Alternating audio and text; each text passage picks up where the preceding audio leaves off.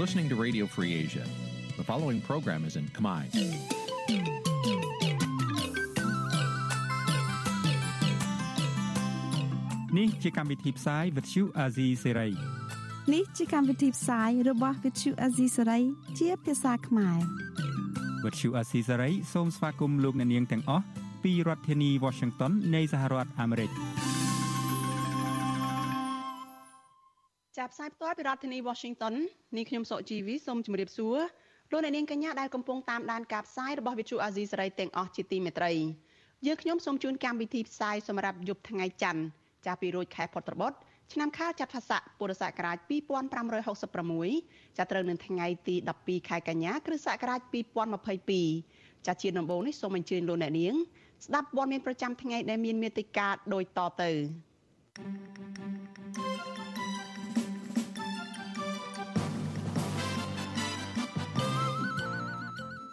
លោកហ៊ុនសែនអំពាវនាវដល់ក្រុមហ៊ុនឯកជនកុំឲ្យដំឡើងថ្លៃដឹកជញ្ជូនក្នុងឱកាសបុណ្យភ្ជុំបិណ្ឌសាច់ញាតិជនរងគ្រោះដែលស្លាប់នៅក្នុងពេលដែលប៉ូលីសឃាត់ខ្លួននៅភ្នំពេញរកជំនួយផ្លូវច្បាប់ដើម្បីដាក់ពាក្យប្តឹងទៅតុលាការពលរដ្ឋជាច្រើនគ្រួសាររស់នៅជើងភ្នំសំពៅខេត្តបាត់ដំបងផ្តិតមេដៃស្នើសុំអាជ្ញាធរផ្ដាល់សំណងពីការរុះរើលំនៅឋាន ប្រជាសហគមន៍នេសាទនៅបឹងទន្លេសាបថាអាជ្ញាធរអនុវត្តច្បាប់ធូររលុងរួមនឹងព័ត៌មានសំខាន់សំខាន់មួយចំនួនទៀតចាលោកនាងកញ្ញាជាទីមេត្រីចាជាបន្តទៅទៀតនេះនាងខ្ញុំសុជីវីសូមជូនព័ត៌មានទាំងនេះពិស្ដាចាប្រជាសហគមន៍នេសាទនៅឯខេត្តបាត់ដំបងអះអាងថា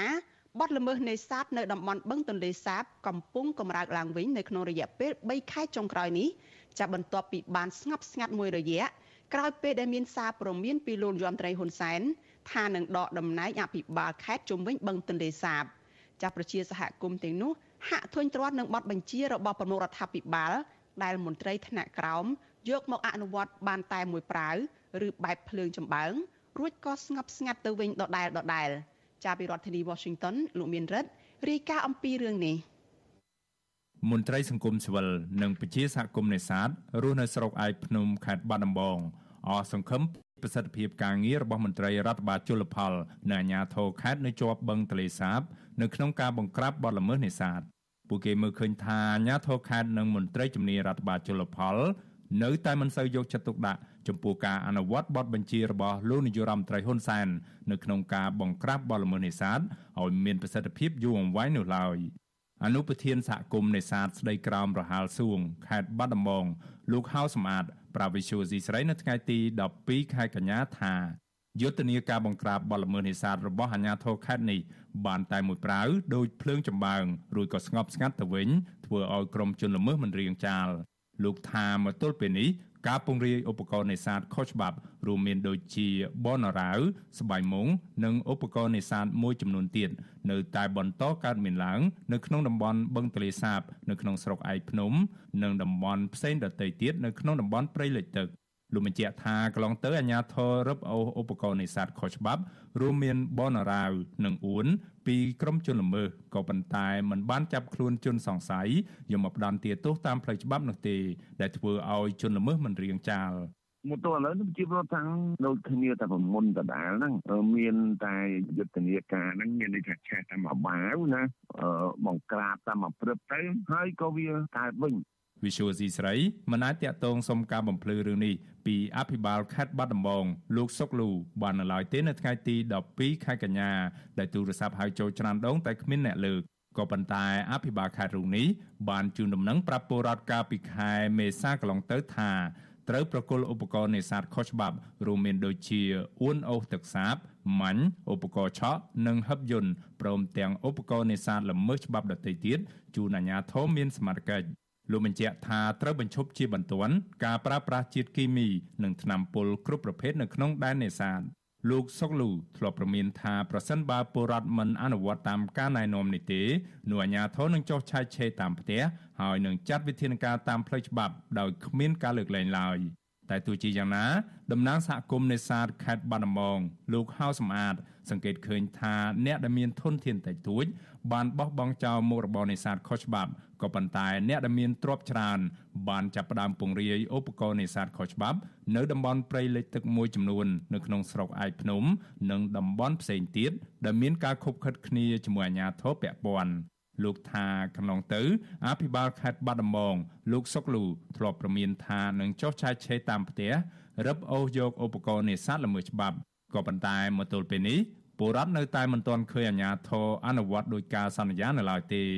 អ្នកដែលប្រើឧបករណ៍នេសាទខុសច្បាប់មុនមុនក៏ខ្លាចដែរខ្លះគាត់យកបកគលឲ្យទៅប៉ុន្តែមកឥឡូវគាត់មើលឃើញតាមវាដូចអត់អីអត់អីអញ្ចឹងអ្នកប្រព្រឹត្តចាប់ផ្ដើមបន្តទៀតទៅថ្នាក់ភូមិឃុំអីហ្នឹងគាត់អត់គិតទេគាត់ថាអាហ្នឹងជាជលផលអាចំណែករដ្ឋបានជលផលគាត់ថាអាហ្នឹងទូនទីគាត់មែនប៉ុន្តែគាត់កម្លាំងគាត់មានគ្រប់អញ្ចឹងវាទៅជាបន្ទោសគ្នាឆ្លើយដាក់គ្នា កាលពីខែមីនាឆ្នាំ2022កន្លងទៅលោកនាយរដ្ឋមន្ត្រីហ៊ុនសែនបានប្រមានដកតំណែងអភិបាលខេត្តនៅជុំវិញបឹងទលេសាបប្រសិនបើបង្ក្រាបបទល្មើសនេសាទបរាជ័យលោកហ៊ុនសែនបានស្ដីបន្ទោសដល់អភិបាលខេត្តនៅជុំវិញបឹងទលេសាបថាមិនត្រូវមើលស្រាលនៅក្នុងការបង្ក្រាបបទល្មើសនេសាទនោះទេត្រូវតែមានការទទួលខុសត្រូវ ជាអភិបាលខេត្តនៅជុំវិញដងទន្លេសាបត្រូវយកការទទួលខុសត្រូវមួយនៅក្នុងនោះអំណាចបកគលឲ្យកាន់តែច្រើនហើយហើយក្រសួងជាដែលអ្នកទទួលខុសត្រូវនេះក៏ត្រូវតែបង្កើនសមត្ថភាពយ៉ាងណាដើម្បីដោះស្រាយបញ្ហាក៏ប៉ុន្តែប្រជាសហគមន៍នេសាទសង្កេតឃើញថាការប្រមានរបស់លោកនាយរដ្ឋមន្ត្រីហ៊ុនសែនគ្មានប្រសិទ្ធភាពនោះទេធ្វើឲ្យពលរដ្ឋអស់ទំនុកចិត្តជុំ វិញរឿងនេះប្រធានផ្នែកកម្មវិធីស្រាវជ្រាវនឹងតស៊ូមតិនៃសមាគមបណ្ដាញយុវជនកម្ពុជាហៅកាត់ថា CYN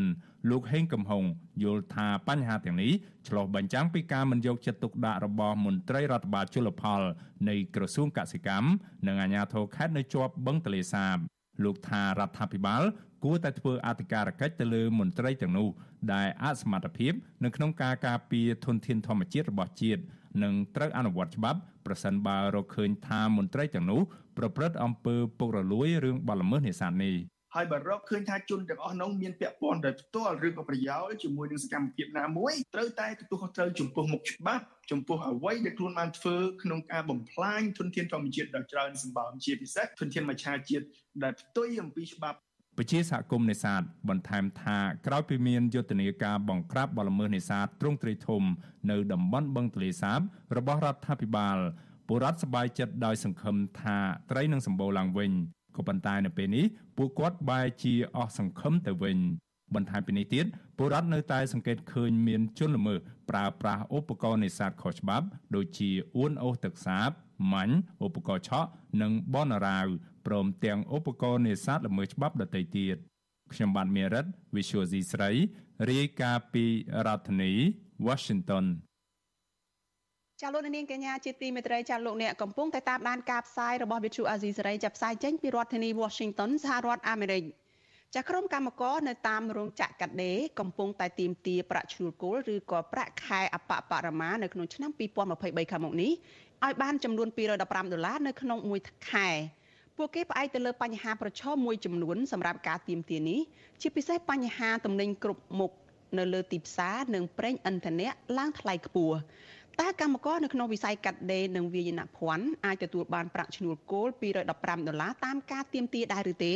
ចាសសូមអញ្ជើញលោកអ្នកនាងរងចាំតាមដានបទសម្ភាសអំពីរឿងនេះនៅក្នុងការផ្សាយរបស់យើងនៅពេលបន្តិចទៀតនេះ ចាលោកនាងកញ្ញាជាទីមេត្រីចាសាច់ញាតិជនរងគ្រោះដែលស្លាប់នៅក្នុងពេលប៉ូលីសឃាត់ខ្លួននៅភ្នំពេញឯនេះក៏កំពុងតែទាមទាររោគជំនួយដើម្បីស្វែងរកយុត្តិធម៌ដែរចាស់សាច់ញាតិជនរងគ្រោះដែលបានស្លាប់នៅក្នុងពេលប៉ូលីសឃាត់ខ្លួននៅឯសង្កាត់គោករកាខណ្ឌព្រែកភ្នៅក្រុងភ្នំពេញបានទៅរកកិច្ចអន្តរាគមន៍ពីសមាគមអាត6ដើម្បីជួយរៀបចំពាក្យបណ្ដឹងទៅតុលាការ មន្ត្រីសង្គមស៊ីវិលយល់ឃើញថាអាញាធមមានសមត្ថកិច្ចគួរតែស៊ើបអង្កេតការស្លាប់របស់ជនសង្ស័យនៅពេលដែលឃាត់ខ្លួននៅ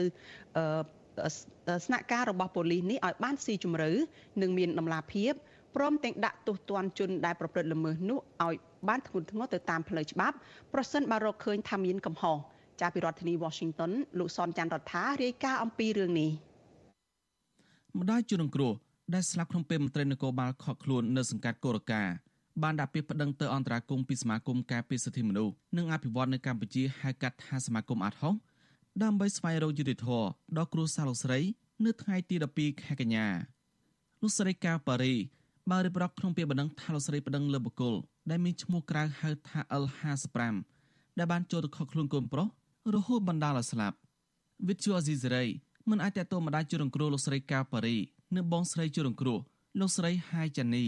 ដើម្បីសាកសួរបន្ថែមចំពោះការដាក់ពាក្យបណ្ដឹងទៅសមាគមអាត6នេះបានទេ នៅថ្ងៃទី12ខែកញ្ញានេះបើទោះបីជាយ៉ាងណាបងស្រីជួយរងគ្រោះធ្លាប់អះអាងថាលោកស្រីមិនអាចទទួលយកបានទេចំពោះការលើកឡើងរបស់ក្រុមសមត្ថកិច្ចថាបងប្រុសលោកស្រីស្លាប់ដោយសារជំងឺប្រចាំកាយដោយសារបងប្រុសលោកស្រីគឺលោកហៃបូណាមិនដែលមានជំងឺប្រចាំកាយអ្វីពីមុនមកទេលោកស្រីសន្និដ្ឋានថាបងប្រុសលោកស្រីស្លាប់ដោយសារសមត្ថកិច្ចធ្វើទរណកម្មក្នុងពេលសួរចម្លើយ ក្នុងពេលខកខ្លួនកាលពីថ្ងៃទី3ខែកញ្ញាដោយសារលើដងខ្លួនជួររងគ្រោះមានស្លាកស្នាមរបួសហើយដាច់រលត់ជាច្រើនកន្លែងខណៈមុនពេលខកខ្លួនបងប្រុសលោកស្រីគ្មានរបួសឬក៏ដំបៅអ្វីទេឆ្លើយតបបញ្ហានេះអ្នកនាំពាក្យស្នងការដ្ឋាននគរបាលរាជធានីភ្នំពេញលោកសានសុកសេហាប្រាវិទ្យាស៊ីស្រីថាពលីមិនបានធ្វើទរណកម្មលើលោកហៃបណ្ណារហូតដល់ស្លាប់ដោយការលើកឡើងរបស់សញ្ញាជរងគ្រោះនោះទេលោកសានសុកសេហាបន្ថែមថាក្រុមគ្រូពេទ្យជំនាញបានធ្វើកសោវិច័យ ហើយលទ្ធផលបង្ហាញថាជនសង្ស័យបានស្លាប់ដោយសារជំងឺប្រចាំកាយហើយក្នុងករណីសាច់ញាតិនៅតែដាក់ពាក្យបណ្ដឹងទៅតុលាការគឺជាសិទ្ធិរបស់គ្រួសារជួយរងគ្រោះ ជនសង្ស័យម្នាក់ហ្នឹងដែលជាជនសង្ស័យជាប់ពាក់ព័ន្ធករណីលួចកោះយកទ្រព្យសម្បត្តិជាបរិវត្តដែលគេមានពាក្យបណ្ដឹងហើយរហូតដល់មានដីកាចាប់ខ្លួនពីតុលាការទៀតផងហ្នឹងហើយករណីដែលគាត់បានទទួលបនអភិបនៅទីពេទ្យហ្នឹងគឺមានការធ្វើកសលច័យពីក្រុមគ្រូពេទ្យច្បាស់លាស់ហើយក៏មានឯកសារច្បាស់លាស់ហើយក៏មានការបញ្ជាក់ពីមន្ត្រីពេទ្យច្បាស់លាស់ដែរអ្វីដែលគាត់បានទទួលបនអភិបគឺដោយសារតែមានបញ្ហាជំងឺរ៉ាំរ៉ៃទាក់ទងទៅនឹងបញ្ហាតម្រងនោមជុំវិញរឿងនេះអ្នកនាំពាក្យសមាគមសិទ្ធិមនុស្សអាត់ហុកលោកសឹងសានករណា ប្រាវិទ្យាអេស៊ីសេរីថាខាងសមាគមរបស់លោកបានទទួលពាក្យបណ្ដឹងរបស់លោកស្រីកាប៉ារីកាលពីព្រឹកថ្ងៃទី12ខែកញ្ញាឲ្យជួយអន្តរាគមន៍ផ្នែកច្បាប់ដើម្បីដាក់ពាក្យបណ្ដឹងទៅតុលាការលោកបន្តថាសមាគមអាត់ហុកនឹងរៀបចំពាក្យបណ្ដឹងដាក់ទៅតុលាការតាមការស្នើសុំរបស់សញ្ញាជនរងគ្រោះក្នុងពេលឆាប់ឆាប់ខាងមុខនេះលោកសុងសានករណាបន្ថែមថាបើទោះបីជាលោកហៃបណ្ណាគឺជាជនសង្ស័យពីបទចោរកម្មក្តីក៏សមាជិកមិនអាចធ្វើទរណកម្មលើជនសង្ស័យរហូតដល់ស្លាប់បាននោះទេ ដោយសារវាជាទង្វើខុសច្បាប់ហើយជាការរំលោភសិទ្ធិមនុស្សធ្ងន់ធ្ងរជាមួយគ្នានេះលោកសុងសាងករណាស្នើដល់គណៈកម្មការជាតិប្រឆាំងទរណកម្មបើការសង្កេតដោយឯករាជ្យនិងដំណាភៀមដើម្បីផ្ដល់យុត្តិធម៌ដល់គ្រួសារជនរងគ្រោះដើម្បីកុំឲ្យសមាជិកចេះតែប្រើហិង្សាលើជនសង្ស័យក្នុងពេលខកខ្លួនរហូតដល់ស្លាប់បន្តទៅមុខទៀត។ សមត្ថកិច្ចដែលទទួលទូនាទីពាក់ព័ន្ធទាំងអស់ហ្នឹងគួរតែមានការស្រាវជ្រាវហើយពេទ្យឲ្យមានភាពច្បាស់លាស់ណាបើសិនរកឃើញករណីហ្នឹងជាអំពើទរណកម្មអំពើខុសខើអមនុស្សធម៌ហ្នឹងក៏បីមានការចោទប្រកាន់តាមផ្លូវច្បាប់ទៅដើម្បីកុំឲ្យកើតមាននៅវប្បធម៌នៃតន្តភាពបែបហ្នឹងនៅក្នុងប្រទេសកម្ពុជាយើងអញ្ចឹងវានាំឲ្យអាក្រក់ទៅដល់ប្រព័ន្ធអនុវត្តច្បាប់យើងផងអាក្រក់មកដល់មុខមាត់រដ្ឋាភិបាលនៃប្រទេសយើងផងដែរឆ្លើយតបទៅនឹងការលើកឡើងនេះ ប្រធានគណៈកម្មការជាប្រឆាំងទរណកម្មលន់នុសអានប្រាវិទ្យាស៊ីសេរីថាលោកបានចាត់លិខិតបង្គាប់ឲ្យបើកការសឹមគេរួចហើយនៅថ្ងៃទី12ខែកញ្ញាលោកថាសមាជិកក្រុមស៊ើបអង្កេតនឹងចោទទៅសម្ភារជាមួយគ្រូសាជំរងគ្រោះជាមុនសិនទើបជួបជាមួយកម្លាំងសមាជិកនិងក្រុមគ្រូពេទ្យជាក្រោយលោកនុតសាអានបញ្ជាក់ថាគណៈកម្មការជាប្រឆាំងទរណកម្មតែងចោទស៊ើបអង្កេតដោយផ្ទាល់រាល់ករណីអំពើហិង្សាលើជនសង្ស័យឬជនជាប់ឃុំបើទោះបីជាគ្មានម្ដងពីជនរងគ្រោះក៏ដោយ។ អំពើហិង្សាពីសមត្ថកិច្ចលើជនសង្ស័យរហូតដល់ស្លាប់ក្នុងពេលខកខ្លួនកើតមានច្រើនករណីមកហើយក្នុងនោះអំពើហិង្សានៅខេត្តបាត់ដំបងពីកម្លាំងសមត្ថកិច្ចលើលោកពេជ្រធីរ៉េតកាលពីខែមេសាឆ្នាំ2021មិនទាន់ទទួលបានយុត្តិធម៌នៅឡើយទេបើទោះបីជាគណៈកម្មការជាប្រឆាំងទរណកម្មបានរកឃើញថាការស្រាវរបស់លោកពេជ្រធីរ៉េតគឺជាការធ្វើទរណកម្មក៏ដោយដោយឡែកថ្មីថ្មីនេះអំពើហិង្សាមួយទៀតនៅខេត្តកំពង់ធំមន្ត្រីកងរាជវត្តហាត់3នាក់ ត្រូវបានខកខ្លួនហើយបញ្ជូនទៅតុលាការក្រោមបទចោទអំពើមនុស្សឃាតដល់ចេតនាករណីប្រាំអំពើសាលើអនុប្រធានភូមិម្នាក់គឺលោកស៊ុងដនរហូតដល់ស្លាប់ស្រដៀងគ្នានេះដែរសកម្មជនក្រាប៉ាសគ្រូជា3នាក់ដែលរងអំពើសាក្នុងពន្ធនាគារតពាំង plong ក៏មិនទាន់ទទួលបានដំណោះស្រាយណាមួយពីអាជ្ញាធរនៅឡើយដែរខណៈជនជាប់ឃុំទៅនោះនៅតែទទួលរងការគំរាមកំហែងអំពើហិង្សាលើពួកគេជាថ្មីទៀតប៉ុន្តែភេជ្ជរាអាញាធមមានសមត្ថកិច្ចមិនទាន់ស្រាវជ្រាវចាប់អ្នកពាក់ព័ន្ធ នឹងការប្រាំពើងសាទៅនេះជួនដល់ជ្រុងគ្រោះនៅឡើយទេមន្ត្រីអង្គការសង្គមស៊ីវិលនិងអង្គការអន្តរជាតិជាច្រើនយល់ឃើញថាការប្រាំពើងសាលើជនសង្ស័យនិងអ្នកចាប់ឃុំនៅតែបន្តកើតមានដោយសារការអនុវត្តច្បាប់ដោយជនសង្ស័យដែលមន្ត្រីសមាជិកមានភាពធូររលុងធ្វើអំពើនេតនភាពឬការបណ្ដាទោសពេលលើជនបង្កតែកើតមានឡើងម្ដងហើយម្ដងទៀតនៅកម្ពុជាខ្ញុំសនចាររថាវិទ្យុអេស៊ីសេរីរាយការណ៍ពីរដ្ឋធានីវ៉ា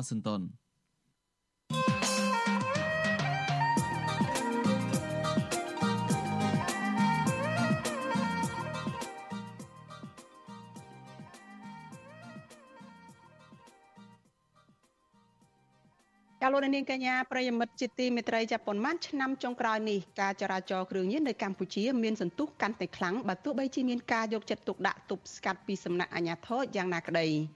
ចាគ្រឿងញៀននិងសារធាតុកែច្នៃគ្រឿងញៀនរាប់សិបតោនត្រូវបាននាំចូលនិងរឹបអូសបានជាបន្តបន្ទាប់ ជាឧទាហរណ៍នៅក្នុងរយៈពេល3ខែដើមឆ្នាំ2022នេះសមត្ថកិច្ចចាប់បានគ្រឿងញៀនជាង3តោនដែលតួលេខនេះកើនឡើង19ដងប្រសិនបើប្រៀបធៀបទៅនឹងរយៈពេលដូចគ្នាកាលពីឆ្នាំ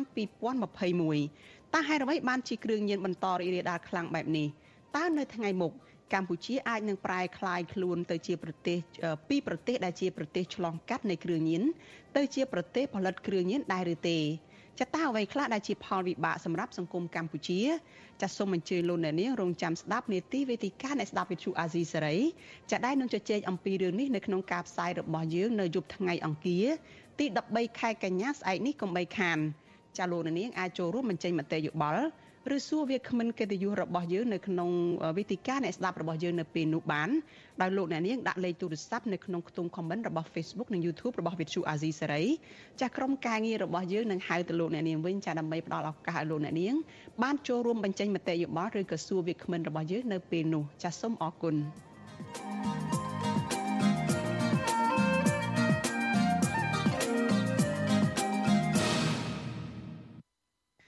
ចាលោកនាងកញ្ញាប្រិយមិត្តជាទីមេត្រីចាប់ព័ត៌មានពីខេត្តបន្ទាយមានជ័យឯណោះឲ្យដឹងថាប្រជាសហគមន៍ជាច្រើនគ្រួសារនៅស្រុកមង្គលបុរីខេត្តបន្ទាយមានជ័យនេះចាកំពុងតែព្រួយបារម្ភថាខ្លាចនឹងដាច់ស្បៀងនៅពេលខាងមុខក្រោយពីមានទឹកជំនន់បានជន់លិចខូចស្រូវអស់ចាសង្គមស៊ីវិលយល់ឃើញថាបញ្ហាទឹកជំនន់នៅក្នុងស្រុកមង្គលបុរីកើតឡើងដដែលដដែលជារៀងរាល់ឆ្នាំដែលអាជ្ញាធរពាក់ព័ន្ធ គួរតែមានយន្តការជួយទៅដល់ប្រជាកសិករដើម្បីសម្រួលទុកលំបាករបស់ពួកគាត់ចាពីរដ្ឋធានី Washington ចាលោកជីវិតារាយការណ៍ព័ត៌មាននេះប្រជាសហគមន៍នៅស្រុកមង្គលបុរីខេត្តបន្ទាយមានជ័យមានកង្វល់ពីទឹកជំនន់លិចស្រែធ្វើឲ្យគ្មានប្រាក់សម្រាប់សងបំណុលធនាគារនិងគ្មានប្រាក់សម្រាប់ធ្វើស្រែបន្តទៀតកសិករលើកឡើងថាកន្លងទៅពួកគាត់បានជួបគ្រោះរាំងស្ងួតខូចស្រូវអស់ជាច្រើនហិកតាម្ដងរួចទៅហើយ ឥឡូវបែរជាទទួលរងគ្រោះទឹកជំនន់លិចស្រែថែមទៀតប្រជាកសិករនៅឃុំរហាត់ទឹកលោកស្រីយិនរីប្រាប់វិទ្យុអាស៊ីសេរីថ្ងៃទី11កញ្ញាថាស្រូវរបស់លោកស្រីប្រឈមការខូចខាតទាំងស្រុងព្រោះពេលនេះកំពុងទឹកជន់លិចដោយសារភ្លៀងធ្លាក់នាំទឹកពីតំបន់ព្រំដែនកម្ពុជាថៃលោកស្រីបន្តថាគ្រួសាររបស់លោកស្រីមានសមាជិក9នាក់រួមទាំងចៅចៅដែលម្ដាយឪពុកទៅធ្វើការងារនៅប្រទេសថៃ និងស្រែប្រាំងចំនួន7ហិកតាប៉ុន្តែពេលនេះស្រូវត្រូវលិចទឹកគ្មានសល់លោកស្រីព្រួយបារម្ភពីជីវភាពនៅថ្ងៃខាងមុខព្រោះលោកស្រីបានខ្ចីប្រាក់ពីធនាគារយកមកធ្វើស្រែស្របពេលទំនិញនៅលើទីផ្សារក៏ឡើងថ្លៃទៀតដែលធ្វើឲ្យប៉ះពាល់យ៉ាងខ្លាំងដល់ជីវភាពរស់នៅរបស់គ្រួសារលោកស្រីលោកស្រីយិនរីអំពីវនីវដល់រដ្ឋាភិបាលឲ្យជួយស្បៀងអាហារនិងផ្ដល់ពូជស្រូវដល់កសិករនៅឃុំរហាត់ទឹក ដើម្បីដាំដុះនៅពេលទឹកស្រក លំបាកណាស់មានទូកគ្មានស្អីដឹកហើយមានបានច្រូតបានអីគេតាក់តិចទេវាលិចអត់ត្រូវអត់បានต็មទៅបើណាគេទុំទៅគេមានទូកកណូតមានអីទៅគេអាចទៅច្រូតបានខ្លះច្រូតយកតែគួស្រូវអីទៅក៏ក្រាន់យកមកឲ្យម៉ាស៊ីនបោកគេអីគេបោកទៅក៏ក្រាន់បានទៅ4 5បាវ4 10បាវណាគេច្រើនទៅក៏បានទៅពេលនេះតិចទៅក៏2 3បាវទៅក្រាន់បានហាលទៅធ្វើជាអង្គអីដោះស្រាយជីវភាពអារម្មណ៍ដែលយើងដូចថាជាពាក់គេ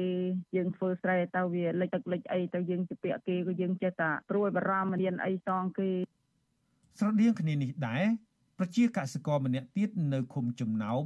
លោកឡោមទូចលើកឡើងទាំងអស់សង្ឃឹមថា ទឹកជំនន់ធ្វើឲ្យប៉ះពាល់ដល់ស្រូវប្រាំងរបស់លោក និងរបស់អ្នកភូមិជាច្រើនរយគ្រួសារក្នុងនោះទឹកលិចដំណាំស្រូវរបស់លោកចំនួន10ហិកតាខូចអស់លោកបន្តថាប្រសិនបើភ្លៀងនៅតែបន្តធ្លាក់ពេលនោះទឹកនឹងលិចស្រូវខូចទាំងអស់ ធ្វើឲ្យប៉ះពាល់ជីវភាពប្រជាកសិករនៅក្នុងសហគមន៍របស់លោកជាមិនខានលោកឡោមទូចបញ្ជាក់ថាបើទឹកមិនស្រកក្នុងរយៈពេលប្រមាណមួយសប្តាហ៍ខាងមុខនោះទេ ស្រូវរបស់កសិករក្នុងភូមិរបស់លោកនឹងខូចអស់ហើយលោកនឹងគ្មានប្រាក់សងបំណុលធនាគារដែលបានខ្ចីមកដាំដុះកន្លងមកនោះទេលោកឡោមទូចអំពាវនាវដល់រដ្ឋាភិបាលឲ្យគិតគូរពីតម្លៃទំនិញឡើងថ្លៃជាពិសេសតម្លៃជីកសិកម្ម និងរកទីផ្សារលក់កសិផលរបស់កសិករដើម្បីធានាការប្រមូលផលរបស់ពលរដ្ឋមានទីផ្សារត្រឹមត្រូវអាចទប់ស្កាត់ជីវភាពបានខ្លះខ្លះ។ ដើម្បីដោះស្រាយមកចេញមកវាទូទៅទាំងអស់ហ្នឹងមានអារោធ្វើអីផ្សេងផ្សេងខ្សែផ្សំទៅដាក់ទ្រូដាក់លន់ទៅនឹងជីឆ្នាំអីយើងជឿគេជាឌីពូគេយកទៅប្រើប្រាស់ខ្លះដល់សង្ឃឹមថាដល់ពេលចុងឆ្នាំយើងបានផលដល់ពេលអញ្ចឹងមានតែពាក្យគេឬក៏មានតែខ្ចីធនាគារសងគេពាក្យធនាគារទៅរោដោះបដើបដើទៅតែវាអាចបានផលច្រូតកាត់បាក់ខ្លះទៅបានត្រូវទុកហូបទឹកអីខ្លះជំទប់ទី2ឃុំសឿអ្នកស្រីចော့ម៉ៅឲ្យដឹងបន្ថែមថា ពលរដ្ឋរងគ្រោះដោយសារទឹកជំនន់លិចស្រែមានចំនួនច្រើនដោយពលរដ្ឋខ្លះមិនទាន់ច្រូតកាត់ព្រោះស្រូវមិនទាន់ទុំហើយពលរដ្ឋខ្លះទៀតទើបព្រោះស្រូវហើយនឹងដាក់ជីរួចក៏ត្រូវទឹកជំនន់មកដល់អ្នកស្រីចော့ម៉ៅព្រួយបារម្ភចំពោះបញ្ហាប្រឈមរបស់ពលរដ្ឋក្នុងឃុំរបស់អ្នកស្រីនិងស្រុកមង្គលបុរីព្រោះនៅពេលជួបគ្រោះទឹកលិចស្រែពលរដ្ឋនឹងមានជីវភាពកាន់តែក្រីក្រ ពិសេសបញ្ហាបំណុលនិងជីវភាពប្រចាំថ្ងៃដែលត្រូវដោះស្រាយ។វាទឹកវាឡើងមកណែมันលិចខ្លះមិនទាន់បានច្រូតទេវាលិចឯនេះខ្លះទៅមកថា ស្រូវអឺទៅមកក្រហមកគួរទឹកមកដល់គ្នាទាន់បានច្រូតអ្នកខ្លះទៅក៏ច្រូតរួចហើយទៅបានច្រូតហើយអាគ្នានេះមិនទាន់បានដល់ពេលទឹកជន់អញ្ចឹងគ្នាភ័យដឹងខ្លះអត់បានច្រូតសោះដល់ពេលមិនទាន់បានច្រូតដល់អាក្រហមទៅក្រហមចង់ចង់ទឹកឡើងមកវឹបទៀតនេះអត់ទៀតអ្នកច្រូតហើយមិនអីគេថាច្រូតមុនតម្លៃស្រូវវាទៀបទៅអាអ្នកបានក្រោយក៏បានសំណំទៅអាអ្នកមុនក៏គ្នាអាវឹកយើងច្រូតច្រើនហើយវឹកលៀងផងក៏ស្រាច់វាថាស្រូវ វិទ្យុអាស៊ីសេរីមិនអាចតាក់ទងប្រធានមន្ត្រីកសិកម្មរុក្ខាប្រមាញ់និងនេសាទលោកប៉ាងវណ្ណាសេតនិងប្រធានមន្ត្រីធនធានទឹកនិងឧតុនិងឧតុនិយមខេត្តបន្ទាយមានជ័យលោកយឹមប៊ុនរំបានទេ នៅថ្ងៃទី11កញ្ញាដោយទូរស័ព្ទចូល តែពុំមានអ្នកទទួលប៉ុន្តែនាយករដ្ឋបាលស្រុកមង្គលបុរី លោកមិននិមលប្រាប់វិទ្យុអាស៊ីសេរីថាឃុំមួយចំនួន ដែលនៅជាប់ជាមួយស្ទឹងមង្គលបុរីរួមមានឃុំសឿឃុំរហាត់ទឹក ឃុំចំណោមឃុំបត់ត្រង់និងឃុំរស័យក្រោមតែងតែទឹកជន់លិចរៀងរាល់ឆ្នាំដោយទឹកហូរធ្លាក់ពីស្រុកម៉ាឡៃនិងស្រុកបវលលោកអះអាងថាផ្ទៃដីស្រូវសរុបជិត5000ហិកតាប៉ុន្តែពលរដ្ឋបានច្រូតអស់ច្រើនហើយ នៅតែពលរដ្ឋធ្វើស្រែដែលស្រូវមិនទាន់ទុំហើយទឹកជំនន់បានបណ្ដាលឲ្យស្រូវខូចខាតជិត2000ហិកតា ទឹកហូរកាត់ផ្លូវប្រវែងជាង2000ម៉ែត្រ និងប៉ះពាល់ផ្ទះសម្បែងរបស់ពលរដ្ឋចំនួន86ខ្នងផ្ទះ។ បច្ចុប្បន្នថ្នាក់ដឹកនាំទាំងគណៈបាលទាំងក្រុមប្រការរួមជាមួយនឹងមន្ត្រីជំនាញកាត់កំពុងតែបើកមុខទឹកសំខាន់សំខាន់បងធ្លាក់ទៅខាងបឹងទលេសាបតែយើងជាប់នៅផ្នែកបឹងទលេសាបនៅខាងឃុំសបួរនិងឃុំកោបឡាំងហើយក្រោយពីមកនេះយើងមានប្រព័ន្ធទ្រាសាស្ត្រជាបលាយមេបានចានខ្សែដែរបងដោយសារក្រសួងក៏ដល់អោយយើងមានស្ដាអូយើងមានបលាយើងមានអីចឹងទៅយើងរំដោះទឹកបានតែឋានភាពទឹកនេះបើសិនជាភ្លៀងនៅតែបន្តធ្លាក់អានឹងការរំដោះទឹកប្រហែលជាអាចជួបការលំបាកតិចដែរយើងឃើញតែរាល់ឆ្នាំក៏បរិយប្រឈមទឹកចំនួនហ្នឹងដែរអញ្ចឹងទោះបីយើងមានរំដោះទឹកក៏ប៉ុន្តែដូចជាធម្មភាពនៅតែមិនទាន់ល្អទេបងថាបោះភ្លៀងទៅបន្តទៀតហើយខាងទៅធ្លាក់ពីម្លាយរួមជាមួយនឹងខាងបវលបានតែស្ទឹងយើងធ្លាក់ពីខាងបវលហើយមកផ្នែកទៅពីម្លាយទោះជាយ៉ាងណាប្រជាពលរដ្ឋនិងសង្គមស៊ីវិលនៅតែទទូចដល់រដ្ឋាភិបាល គួរជួយសម្រួល និងធ្វើផែនការច្បាស់លាស់ជាមុនដើម្បីដោះស្រាយបញ្ហាប្រឈមនានាពីគ្រោះធម្មជាតិដែលកើតឡើងរាល់ឆ្នាំក្នុងស្រុកមង្គលបុរីនេះជុំវិញរឿងនេះ មន្ត្រីសម្របសម្រួលសមាគមការពារសិទ្ធិមនុស្សអាត6ខេត្តបន្ទាយមានជ័យលោកសុំច័ន្ទគាលើកឡើងថាស្រុកមង្គលបុរីរងគ្រោះធម្មជាតិរៀងរាល់ឆ្នាំ ទាំងគ្រោះទឹកជំនន់ទាំងគ្រោះរាំងស្ងួត ដែលរដ្ឋត្រូវមានការទទួលខុសត្រូវជាបន្ទាន់ព្រោះបញ្ហានេះជារឿងកើតឡើងដដែលដដែលលោកបន្តថារដ្ឋមានទូនីតិភារកិច្ចដោះស្រាយបញ្ហារបស់ពលរដ្ឋដែលនៅខ្វះចន្លោះ ហើយមិនត្រូវកិច្ចវេះក្នុងការដោះស្រាយទុកលំបាករបស់ពលរដ្ឋនោះទេ គឺត្រូវធានាឲ្យពលរដ្ឋទទួលបានសិទ្ធិរស់នៅសមស្របលោកបន្ថែមថារដ្ឋាភិបាលត្រូវមានយុទ្ធសាស្ត្រដោះស្រាយបញ្ហាយូរអង្វែងរឿងគ្រោះទឹកជំនន់និងគ្រោះរាំងស្ងួតលោកសុំច័ន្ទគាបញ្ជាក់ថារដ្ឋត្រូវរកវិធីសាស្ត្រឬយុទ្ធសាស្ត្រណាមួយដើម្បីជួយដល់កសិករឲ្យប្រមូលផលមុនទឹកជំនន់មកដល់ជៀសវាងទឹកជំនន់មកដល់ហើយ ទើបនាំគ្នាជួយច្រូតកាត់ក្នុងទឹក។ យើងឃើញតេតងការរាំងស្ងួតគាត់ពឹងលើទឹកភ្លៀងអញ្ចឹងការធ្វើវាមិនមែនជាលក្ខណៈវិទ្យាសាស្ត្រវាលក្ខណៈជាប្រពៃណីជាទម្លាប់ពីមុនហើយដល់ខែទឹកចំនួនទៅវាជន់មកលេចដូចជាប្រពៃណីដែរលេចនាំគ្នាទាញជើងទាញដៃអូសជើងអូសដៃគ្នាជួយគ្នាអញ្ចឹងទៅអញ្ចឹងយើងឃើញថាវាអត់អីប្លែកវាអត់អីថ្មីក្នុងទូនាទីរបស់រដ្ឋអត់ទាន់បានសិក្សាទៅលើទាំងអស់ហ្នឹងសិក្សាថាតើផលប៉ះពាល់របៀបអញ្ចឹងបើទឹកចំនួនហ្នឹងមកអញ្ចឹងត្រូវធ្វើម៉េចហើយបើសិនជាអត់ទឹកភ្លៀងត្រូវធ្វើម៉េចជួយប្រជាពលរដ្ឋយ៉ាងម៉េចអញ្ចឹងខែខែណាត្រូវប្រជាពលរដ្ឋធ្វើនឹងរយៈពេលប្រហែល2ដងឬក៏3ដងអញ្ចឹងអាលើកទីប្រមាណដែលប៉ះពាល់ទៅលើបញ្ហាទឹកជំនន់ត្រូវនិគ្រោះត្រូវឲ្យគាត់នឹងបង្ខំតាកតងការធ្វើហ្នឹងបើថាធ្វើស្រូវ2ដងក្នុងរយៈពេលប្រហែលខែធ្វើមិនឲ្យគាត់បានអាស្រ័យផលហ្នឹងឲ្យបានមុនទឹកជំនន់មុនមុនអាយ៉ាហ្នឹងជាការប្រសើរជាងសង្គមស៊ីវិលនិងពលរដ្ឋចង់ឃើញអាជ្ញាធរទាំងថ្នាក់មូលដ្ឋាននិងថ្នាក់ជាតិរិះរកយន្តការជួយប្រជាពលរដ្ឋឲ្យទាន់ពេលវេលាដើម្បីដោះស្រាយបញ្ហាដែលបានកើតឡើងដដែលដដែលនេះ ខ្ញុំជីវិតាអាស៊ីសេរីចាលោកនាងកញ្ញាប្រិយមិត្តជាទីមេត្រីចាងាកមកព័ត៌មានតកតងនឹងក្តីកង្វល់របស់កម្មករនៅក្នុងវិស័យរោងចក្រកាត់ដេរឯនេះវិញចាក្រុមកម្មករនៅតាមរោងចក្រកាត់ដេរចាកំពុងតែទាមទារប្រាក់ឈ្នួលគោលឬក៏ប្រាក់ឈ្នួលអបបរមាសម្រាប់ឆ្នាំ2023ដោយចង់ទាមទារឲ្យបាន215ដុល្លារនៅក្នុងមួយខែ ពួកគេផ្អែកលើបញ្ហាប្រឈមមួយចំនួនសម្រាប់ការទាមទារនេះជាពិសេសបញ្ហាទំនិញឡើងថ្លៃនៅតាមទីផ្សារនិងប្រេងឥន្ធនៈឡើងថ្លៃខ្ពស់ដែរចតាកម្មករនៅក្នុងវិស័យកាត់ដេរនិងវាយនភ័ណ្ឌទទួលបានអាចនឹងទទួលបានប្រាក់ឈ្នួលគោល215ដុល្លារទៅតាមការទៀមទាននេះដែរឬទេចាសសូមអញ្ជើញលោកអ្នកនាងរងចាំតាមដានកិច្ចសម្ភាសផ្ទាល់អំពីរឿងនេះនៅក្នុងការផ្សាយរបស់យើងនៅពេលបន្តិចទៀតនេះ ចាលោកនាងកញ្ញាប្រិយមិត្តជាទីមេត្រីចាព័ត៌មានតកតងនឹងប្រជាពលរដ្ឋដែលរស់នៅ ក្បែរជើងភ្នំសំពៅនៅក្នុងខេត្តបាត់ដំបងឯណោះវិញ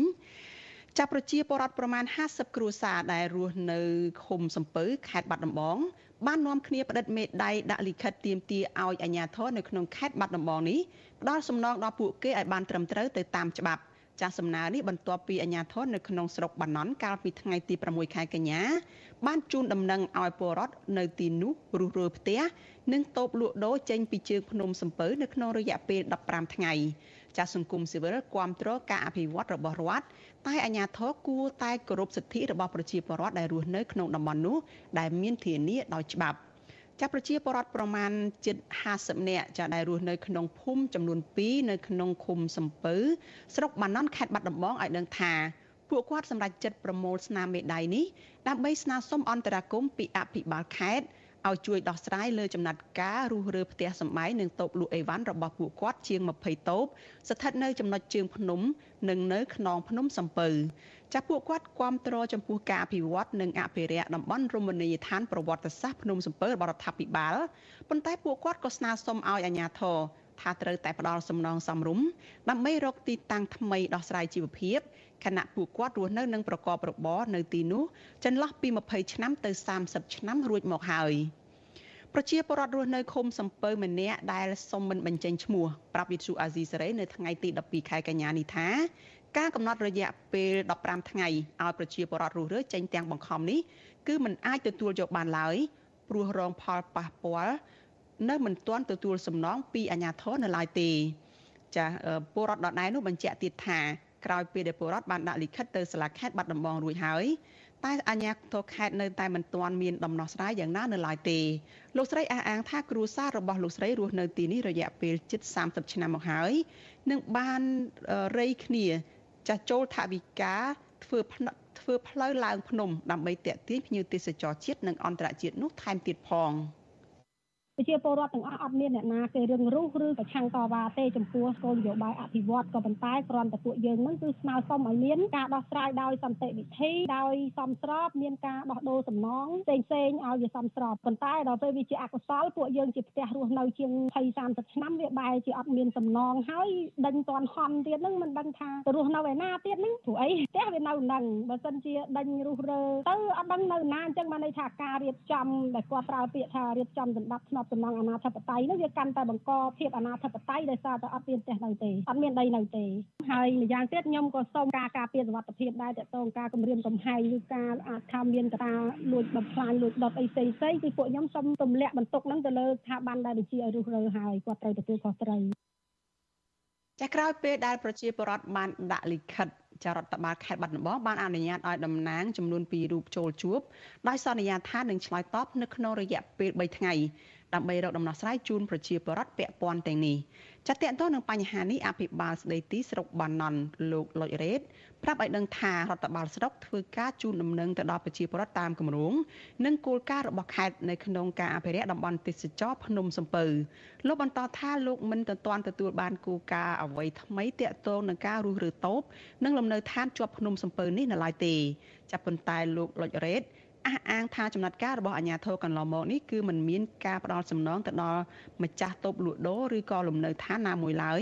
ព្រោះផែនការនេះមិនតាក់ទងទៅនឹងសំណងនោះទេ ជូនដំណឹងដល់បងប្អូនការលក់ដូរនៅជើងភ្នំពៅឲ្យគាត់មានការរុះរើដើម្បីរៀបចំទីកន្លែងឲ្យបានសមរម្យអញ្ចឹងណាប៉ុន្តែឲ្យគាត់មានការរៀបចំរុះរើអញ្ចឹងយើងនឹងរៀបចំយ៉ាងណាទីនៅក្រុមគណៈកម្មការខេត្តរៀបចំជំនាញស្រុកប៉ុន្តែឥឡូវវាដល់អាសានវាហើយអញ្ចឹងពួកយើងស្រុកឃុំយើងមិនមានគោលការណ៍ទេពួកការណែនាំរបស់ដល់ខាងខេត្តជំនួសបង្ហាញថាឲ្យយើងជូនដំណឹងដំណឹងហើយរឿងសំណងអីមិនមានទេប៉ុន្តែទៅដល់ខេត្តខ្ញុំមិនដឹងថាមិនដែរទេ ចាជុំវិញរឿងនេះមន្ត្រីការពារសិទ្ធិមនុស្សអាត6ប្រចាំនៅខេត្តបាត់ដំបងគឺលើកលោកយិនមេងលីមើលឃើញថារដ្ឋបាលស្រុកបាណន់មិនអាចរកដំណោះស្រាយជូនពលរដ្ឋបានទើបពលរដ្ឋសម្រេចចិត្តប្រមូលស្នាមមេដៃដាក់លិខិតស្នើសុំអន្តរាគមន៍ទៅដល់អាជ្ញាធរខេត្តវិញលោកមើលឃើញទៀតថាពលរដ្ឋនៅទីនោះមិនបានពឹងផ្អែកចាពលរដ្ឋនៅទីនោះគឺគាត់រស់នៅពឹងផ្អែកលើមុខរបរនៅក្នុងវិស័យទេសចរនៅមុនពេលដែលមានផែនការអភិវឌ្ឍរបស់រដ្ឋបាលខេត្ត ហើយទីនោះស្ទើរតែប្រែคล้ายទៅជាភូមិកំណត់របស់ពួកគាត់ទៅហើយលោកយិនមេលីយល់ថាអាញាធរត្រូវសម្របសម្រួលនិងកំណត់ប្រវែងជាក់លាក់នៅក្នុងការអភិវឌ្ឍនៅនឹងកន្លែងនោះព្រោះគោលការណ៍អភិវឌ្ឍគឺមិនត្រូវធ្វើឲ្យប្រជាពលរដ្ឋមានការឈឺចាប់ឡើយ។ ការរៀបចំការអភិវឌ្ឍរបស់អាញាធរវាមិនខុសអីទេក៏ប្រទេសណាក៏ដូចជាប្រទេសណាដែរការអភិវឌ្ឍត្រូវតែមានក៏ប៉ុន្តែត្រូវពិនិត្យទៅលើអ្នកដែលទទួលផលប៉ះពាល់ផងពីព្រោះការអភិវឌ្ឍគឺយើងធ្វើសម្រាប់មនុស្សទាំងអស់គ្នាអញ្ចឹងយើងបញ្ជាឲ្យបាននៅការប៉ះពាល់ទៅដល់ជីវភាពរបស់ពួកគាត់ណាបាទអញ្ចឹងខ្ញុំយល់ថាយើងក៏បីតែធ្វើការអភិវឌ្ឍទុកពួកគាត់នៅនឹងទៅគេថាអភិវឌ្ឍនៅនឹងកន្លែងចឹងយើងធ្វើការសម្របសម្រួលជាមួយពួកគាត់ទៅអ្វីដែលគាត់ប៉ះពាល់ខ្លាំងទៅដល់ចំណីផ្លូវយើងអាចសម្របសម្រួលឲ្យគាត់អាចសង់រោងឬក៏អាចផ្ទះគាត់នឹងអាចលក់ដូរត្រឹមកម្រិតណាដែលគាត់អាចដែលយើងអាចទទួលយកបានទាំងអស់គ្នាចាមន្ត្រីសង្គមស៊ីវិលរូបនេះយល់ឃើញថាអាញាធរគួរតែអភិវឌ្ឍនៅនឹងកន្លែងប្រកបដោយស្នាមញញឹមរបស់ប្រជាពលរដ្ឋព្រោះពួកគាត់បានចូលរួមថែរក្សាអភិអភិរក្សតំបន់ប្រវត្តិសាស្ត្រនេះអស់រយៈពេលច្រើនឆ្នាំមកហើយហើយក៏ជាភ្នាក់ងារជួយទៅដល់វិស័យទេសចរជាតិផងដែរ។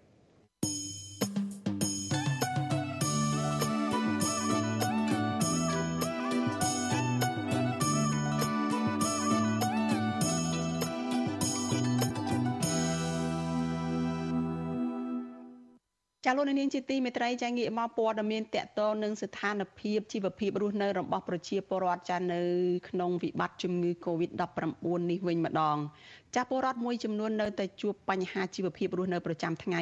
បើទោះបីជាសកម្មភាពសេដ្ឋកិច្ចចាប់ផ្ដើមដំណើរការឡើងវិញក្រោយការធ្លាក់ចុះនៃករណីឆ្លងរាលដាលជំងឺ Covid-19 នេះក្តីសង្គមស៊ីវិលថារដ្ឋាភិបាលគួរតែអនុម័តច្បាប់ កំណត់មុខរបរជនអិនតោប្រវេសដើម្បីទប់ស្កាត់កុំឲ្យជនបរទេសដណ្ដើមការងារនៅមុខរបររបស់ពលរដ្ឋខ្មែរចាលោកលេងម៉ាលីរាយការណ៍អំពីរឿងនេះពលរដ្ឋមួយចំនួនត្អូញត្អែថានៅតែប្រឈមនឹងជីវភាពខ្វះខាតដដែលទោះបីពួកគាត់សកម្មនិងខំធ្វើការហើយចាយប្រាក់ត្បិតត្បិតក្តី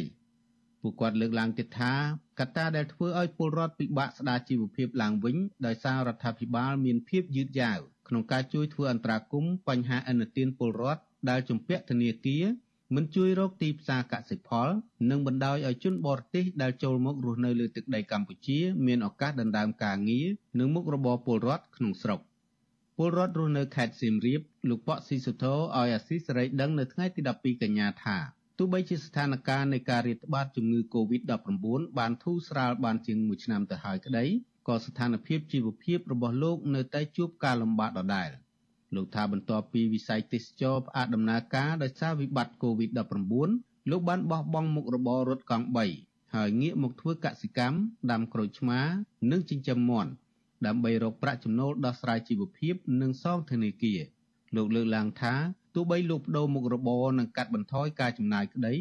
ក៏របរកសិកម្មនេះមិនអាចជួយសង្គ្រោះជីវភាពលោកឲ្យបានប្រសើរឡើយ ព្រោះកសិផលលក់បានតម្លៃថោកនិងពិបាករកទីផ្សារបណ្ដាលមកពីការនាំចូលបន្លែ ផ្លែឈើត្រីសាច់ពីក្រៅប្រទេសលើសលប់ បាទកសិករបច្ចុប្បន្នហ្នឹងគឺជួបបញ្ហាច្រើនមែនទែនដោយសារថាដំណាំរបស់គាត់ចុះថោកប៉ុន្តែអីវ៉ាន់ឡើងថ្លៃហើយអីវ៉ាន់នឹមចូលពីក្រៅប្រទេសគេថ្លៃជាងកសិករនៅក្នុងខេត្តហ្នឹងណានៅខេត្តមិនត្រឹមតែខេត្តសៀមរាបទេគឺខេត្តទូទាំងប្រទេសអញ្ចឹងកសិករបច្ចុប្បន្នហ្នឹងគឺជួបផលលំបាកខ្លាំងមែនទែនបាទស្រដៀងគ្នានេះដែរអាជីវករនៅខេត្តសៀមរាបលោកឆៃតាំងឆែមឲ្យដឹងថា រដ្ឋាភិបាលបានសម្រេចបើកសកម្មភាពសេដ្ឋកិច្ចឡើងវិញកាលពីចុងខែវិច្ឆិកាឆ្នាំ2021ក្រោយការធ្លាក់ចុះនៃករណីឆ្លងជំងឺ Covid-19 ប៉ុន្តែលោកនិងប្រជាពលរដ្ឋដែលប្រកបរបរចិញ្ចឹមជីវិតក្រៅប្រព័ន្ធមួយចំនួនទៀតនៅតែរកចំណូលបានតិចតួចលោកសង្កេតឃើញថាសេដ្ឋកិច្ចហាក់មានភាពសកម្មជាងមុនប៉ុន្តែទីផ្សារការងារជាពិសេសការបើកអាជីវកម្មលក់ដូរនៅតែចង្អៀតណែននិងគ្មានភាពប្រសើរជាងមុនឡើយ។ ដោយសារវត្តមានជនជាតិចិន និងវៀតណាមដែលរស់នៅលើទឹកដីកម្ពុជា បានបើកអាជីវកម្មប្រកួតប្រជែងជាមួយពលរដ្ឋខ្មែរអ្នកដែលដូចបងខាងខាងវៀតណាមខាងចិនហ្នឹងគឺគាត់មកពីចឹងគឺគាត់មានមុខរបរគាត់បើកមុខចំនួនធំធំអីចឹងដូចហាងដូចអីចឹងបងហើយអាការងារទាំងអស់ហ្នឹងបើសិនជាភ្ញៀវទេសចរដូចខាងគ្នាគាត់អីមកចឹងគឺគាត់អត់មានលក្ខណៈថាមកចូលហាងខ្មែរយើងនេះពីចឹងគឺគាត់ចូលតែគ្នាគាត់អីចឹងណារបាយការណ៍ក្រសួងសេដ្ឋកិច្ចបង្ហាញថា សេដ្ឋកិច្ចកម្ពុជានឹងកើនឡើងក្នុងអត្រា5.1%នៅឆ្នាំ2022នេះនិង6.2%នៅឆ្នាំ2023កំណើនជនអន្តោប្រវេសន៍ច្រើនលើសលប់បានធ្វើឲ្យពលរដ្ឋខ្មែរខាតបង់ប្រយោជន៍សេដ្ឋកិច្ចតាមរយៈការដណ្ដើមឱកាសការងារមុខរបររបស់ពលរដ្ឋខ្មែរម្ចាស់ស្រុក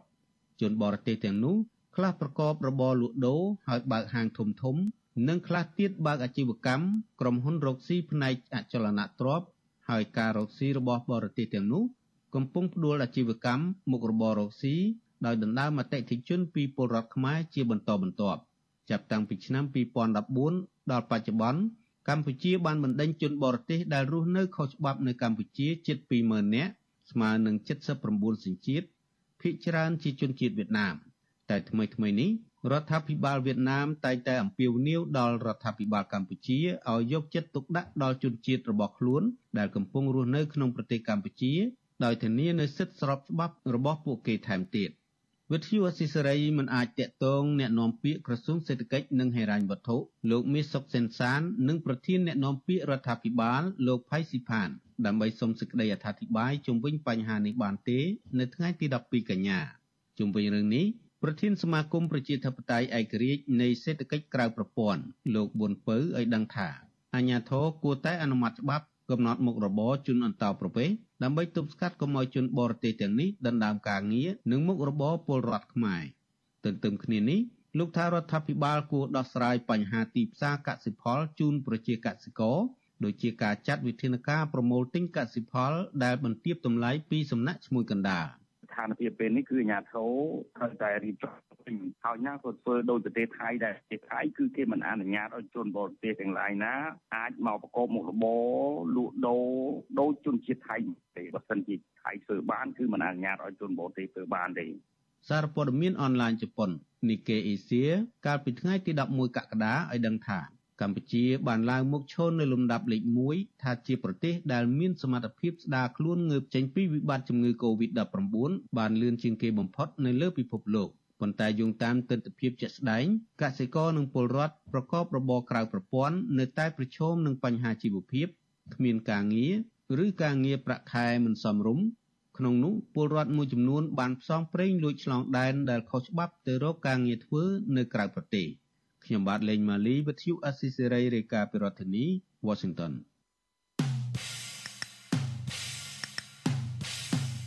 នេតិខ្មែរកម្ពុជាក្រោម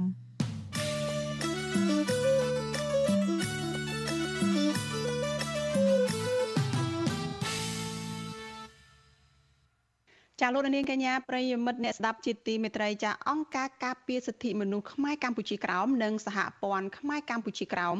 ស្នើឲ្យអាជ្ញាធរមូលដ្ឋានទទួលស្គាល់ខ្មែរកម្ពុជាក្រោមដែលមករស់នៅកម្ពុជាថាជាខ្មែរសំណើនេះធ្វើឡើងស្របពេលដែលក្រសួងមហាផ្ទៃបានចេញបានស្នាក់នៅអចិន្ត្រៃយ៍ដល់ជនបន្តប្រវេសន៍បរទេសនៅកម្ពុជាចាំមន្ត្រីសិទ្ធិមនុស្សការពារសិទ្ធិមនុស្សខ្មែរក្រោមថាខ្មែរក្រោមមិនត្រូវការបាននេះទេពីព្រោះពួកគេក៏ជាខ្មែរ ចាពីរដ្ឋធានី Washington លោកយុនសាមៀនរាយការណ៍ព័ត៌មាននេះសមាគមខ្មែរកម្ពុជាក្រោមដើម្បីសិទ្ធិមនុស្សនិងអភិវឌ្ឍសំណុំពរឲ្យអាជ្ញាធរនៅតាមមូលដ្ឋានគុំចាត់ទុកខ្មែរកម្ពុជាក្រោមជាជនអន្តោប្រវេសន៍ប៉ុន្តែជាខ្មែរដែលអាចទទួលបានសិទ្ធិនិងផលប្រយោជន៍ដោយខ្មែរផ្សេងទៀតដែរលោកសឿនជំជួនអគ្គលេខាធិការសមាគមខ្មែរកម្ពុជាក្រោមដើម្បីសិទ្ធិមនុស្សនិងអភិវឌ្ឍប្រាប់វិទ្យុអាស៊ីសេរីថា ស្របពេលដែលក្រសួងមហាផ្ទៃចេញបានស្នាក់នៅអចិន្ត្រៃយ៍ដល់ជនបរទេសអន្តោប្រវេសន៍នៅកម្ពុជា ខ្មែរក្រោមមិនត្រូវការបាននីតិពីព្រោះពួកគេជាខ្មែរក្រសួងមហាផ្ទៃកាលពីចុងខែសីហាបានចេញសេចក្តីជូនដំណឹងស្តីពីការផ្ដល់បានស្នាក់នៅអចិន្ត្រៃយ៍ឲ្យជនបរទេសអន្តោប្រវេសន៍នៅកម្ពុជា ក្រសួងអះអាងថាការជូនដំណឹងនេះធ្វើឡើងឲ្យស្របទៅនឹងច្បាប់ស្តីពីអន្តោប្រវេសន៍ប្រកាសឲ្យប្រើប្រាស់កាលពីឆ្នាំ1994បាននេះសម្រាប់ប្រើប្រាស់បម្រើជីវភាពប្រចាំថ្ងៃដូចជាការស្នើសុំសេវារដ្ឋបាល សេវាសាធារណៈសុខភាពធនាគារទិញលក់អចលនវត្ថុការធ្វើអាជីវកម្មនិងការស្វែងរកការងារធ្វើនៅតាមរោងចក្រសហគ្រាសនិងសកម្មភាពស្របច្បាប់ផ្សេងផ្សេងទៀត បច្ចុប្បន្នក្រសួងមហាផ្ទៃមិនទាន់បានបញ្ជាក់ចំនួននៃជនបរទេសដែលមានបានស្នាក់នៅអចិន្ត្រៃយ៍មានប៉ុន្មានអ្នកនៅឡើយទេប៉ុន្តែអះអាងថាមានជនបរទេសប្រមាណជិត10000នាក់មិនទាន់មកធ្វើបានថ្មីនិងបរទេសខ្លះទៀតដែលមានអាយុ18ឆ្នាំមិនទាន់មកធ្វើបានកាលពីឆ្នាំ2021សមត្ថកិច្ចបានបង្ក្រាបករណីលួចឆ្លងដែនខុសច្បាប់បានចំនួនជិត700ករណី ឃាត់ខ្លួនមនុស្សបានចំនួនជាង4000នាក់ក្នុងនោះមាន8សញ្ជាតិក្រសួងបានបណ្ដេញជនបរទេសរស់នៅខុសច្បាប់តាមច្រកទ្វារព្រំដែនចំនួនជាង4000នាក់និងចាប់ដាក់ពន្ធនាគារមួយចំនួនទៀតពាក់ព័ន្ធទៅនឹងការជួនដំណឹងរបស់ក្រសួងមហាផ្ទៃនេះលោកសឿនជំជួនស្វាគមន៍ដែលរដ្ឋាភិបាលកំពុងពង្រឹងការអនុវត្តច្បាប់អន្តោប្រវេសន៍ប៉ុន្តែស្នើសុំឲ្យក្រសួងយកចិត្តទុកដាក់និងផ្ដល់អធិភាពដល់ខ្មែរក្រោមដែលកំពុងរស់នៅកម្ពុជា លោកថាបច្ចុប្បន្នខ្មែរក្រោមមិនទាន់ត្រូវបានអាជ្ញាធរមូលដ្ឋានទទួលស្គាល់ថាជាខ្មែរដោយស្វ័យប្រវត្តិនោះទេហើយពួកគេកំពុងជួបឧបសគ្គជាច្រើន ក្នុងការស្វែងរកលិខិតបទដ្ឋានផ្សេងផ្សេងដើម្បីរស់នៅកម្ពុជាដោយស្របច្បាប់ ដូចជាអត្តសញ្ញាណប័ណ្ណសៀវភៅគ្រួសារនិងប័ណ្ណស្នាក់នៅជាដើមយើងយើងផ្អែកទៅលើឯកសារមួយចំនួនសម្រាប់ខ្មែរក្រមគឺយើងមានឯកសារ3 4ជាអំណះអំណាង សម្រាប់រដ្ឋាភិបាលចូលស្គាល់ដែលចាត់ទុកថាខ្មែរដែលមកពីកម្ពុជាក្រមគឺជាខ្មែររស់នៅស្រេចបាត់នៅក្នុងប្រទេសកម្ពុជាមិនមែនជាជនអន្តរប្រវេសន៍ទេយើងមានលិខិតច្បាស់លាស់ណាស់ដែលបញ្ជាក់ទាំងអស់នេះថាខ្មែរដែលមកពីកម្ពុជាក្រមគឺមិនមែនជាជនអន្តរប្រវេសន៍ទេយើងកន្លែងនេះហើយដែលរដ្ឋាភិបាលគួរតែមិនរឹតបន្តឹងដូចជាជនជាតិអន្តរប្រវេសន៍របស់វៀតណាមទេសម្រាប់ជនជាតិ អន្តរប្រវេសន៍របស់វៀតណាមវិញគឺយើងស្អែកទៅតាមច្បាប់អន្តរប្រវេសន៍លោកសឿនជំជួនមានប្រសាសន៍ថាអាញាធមូលដ្ឋាន ហាក់មិនទាន់ដឹងគោលការណ៍ថ្នាក់ជាតិរបស់រដ្ឋាភិបាលកម្ពុជា ដែលធ្លាប់ប្រកាសជាសាធារណៈរួចរាល់ហើយថាខ្មែរកម្ពុជាក្រោមជាខ្មែរយើងខ្លះគឺដាច់អហង្ការតែម្ដងជាពិសេសយើងនិយាយរួមមកទៅថ្មីថ្មីនេះសូម្បីតែយើងទៅចង់សម្បត្តិទេតាជាពលសម្បត្តិអភិជានេះក៏ក៏ទៀនទៀតដែរ ទៀនទីឲ្យមានឯកសារស្អីស្អីយើងនិយាយសូមឲ្យមានការទទួលស្គាល់ថារដ្ឋាភិបាលទទួលស្គាល់ដូចទៅហើយថាខ្មែរក្រមនោះគឺជាប្រជាពលរដ្ឋខ្មែរមកនៅពេលដែលឡើងមករស់នៅក្នុងប្រទេសកម្ពុជាជាងហើយអ្វីដែលយើងចង់បានហ្នឹងគឺចង់ធ្វើក្នុងអរដ្ឋាភិបាលចេញជាចរាចរណ៍ឬក៏ស្អីដែលនាំស្អីមួយហ្នឹងឲ្យបានទូទាំងប្រទេសទៅខ្ញុំកុំឲ្យអាជ្ញាធរមូលដ្ឋានមួយជនគាត់មានការយល់ច្រឡំកាលពីឆ្នាំ2006ក្រសួងការបរទេសកម្ពុជាធ្លាប់សរសេរលិខិតជាផ្លូវការ ប្រាប់ទៅការិយាល័យឧត្តមស្នងការអង្គការសហប្រជាជាតិទទួលបន្ទុកជនភៀសខ្លួនប្រចាំនៅកម្ពុជាថាជំហររដ្ឋាភិបាលចាត់ទុកខ្មែរក្រោមថាជាខ្មែរហើយចាត់ទុកការសម្រេចរបស់តុលាការពេលនោះដែលចោទប្រកាន់ខ្មែរក្រោមម្នាក់ចូលកម្ពុជាដោយខុសច្បាប់ថាជារឿងមិនត្រឹមត្រូវកាលពីឆ្នាំ1992អតីតព្រះមហាក្សត្រព្រះបាទនរោត្តមសីហនុ ក៏បានបញ្ជាក់ពីជំហររបស់ព្រះអង្គថាខ្មែរក្រោមជាខ្មែរពេញទីពេញលក្ខណៈច្បាប់ពេលដែលខ្មែរក្រោមស្ថិតនៅព្រំដែននៃកម្ពុជាពាក់ព័ន្ធរឿងចេញបានស្នាក់នៅអចិន្ត្រៃយ៍ដល់ជនបរទេសអន្តោប្រវេសន៍នៅកម្ពុជានេះមន្ត្រីនាំពាក្យគណៈបកប្រជាជនកម្ពុជាលោកសុកអេសានថាបាននេះសម្រាប់តែជនបរទេសគឺមិនមែនសម្រាប់ខ្មែរកម្ពុជាក្រោមឡើយទោះបីជាយ៉ាងណាលោកស្នើឲ្យខ្មែរក្រោមទាំងអស់ ត្រូវតាក់ទងអាជ្ញាធរមូលដ្ឋាន ដើម្បីទទួលបានលិខិតស្នាមស្របច្បាប់ ដើម្បីប្រើប្រាស់កុំប្រៀបធៀបជាមួយវៀតណាម យើងប្រៀបធៀបជាមួយខ្មែរយើងគាត់ថាចង់បានស្អីសំណូមពរទៅបំពេញបែបបត់ទៅតាមតម្រូវការរបស់ក្រសួងមហាផ្ទៃដែលក្នុងនោះមានអគ្គនាយកដ្ឋានអន្តោប្រវេសន៍គេនៅនឹងគេដឹងណាអញ្ចឹងត្រូវបំពេញបែបបត់យ៉ាងម៉េចអាហ្នឹងគឺធ្វើតាមគេទៅបច្ចុប្បន្នខ្មែរកម្ពុជាក្រោមប្រមាណ1លាននាក់កំពុងស្នាក់នៅកម្ពុជា ពួកគេបានចាក់ចេញពីស្រុកកំណើតដែលវៀតណាមកំពុងត្រួតត្រាដោយសារតែការធ្វើទុកបុកម្នេញផ្នែកសិទ្ធិមនុស្សសាសនា ជាពិសេសសិទ្ធិជនជាតិដើមខ្មែរក្រៅមិនត្រូវបានរដ្ឋាភិបាលវៀតណាមគិតគូរនិងផ្ដល់ផលប្រយោជន៍ក្នុងសង្គមដោយពលរដ្ឋវៀតណាមដោយសារតែវៀតណាមគិតថាខ្មែរក្រៅជាខ្មែរប៉ុន្តែពេលពួកគេមកដល់កម្ពុជាក៏ទទួលរងការរើសអើងជាថ្មីទៀតថា ជាជនជាតិវៀតណាមទៅវិញហើយអាជ្ញាធរមូលដ្ឋានខ្លះបដិសេធមិនចេញលិខិតផ្លូវច្បាប់ឲ្យពួកគេទៀតផងជុំវិញរឿងនេះដែរព្រះភិក្ខុសើងយើងរតនាប្រធាននាយកដ្ឋានព័ត៌មានសហព័ន្ធខ្មែរកម្ពុជាក្រោមបានអំពាវនាវឲ្យខ្មែរកម្ពុជាក្រោមរស់នៅកម្ពុជាបន្តព្យាយាមធ្វើលិខិតស្នាមតាមការកំណត់របស់ច្បាប់ ដើម្បីអាចមានឯកសារគ្រប់គ្រាន់រស់នៅកម្ពុជាដោយស្របច្បាប់ ព្រះអង្គក៏ស្នើឲ្យអាជ្ញាធរកម្ពុជាគម្រើសអើងនឹងខ្មែរកម្ពុជាក្រោមដែលកំពុងរស់នៅកម្ពុជាខ្ញុំយុនសាមៀនវុទ្ធុអាស៊ីសេរីប្រធានាធិបតី Washington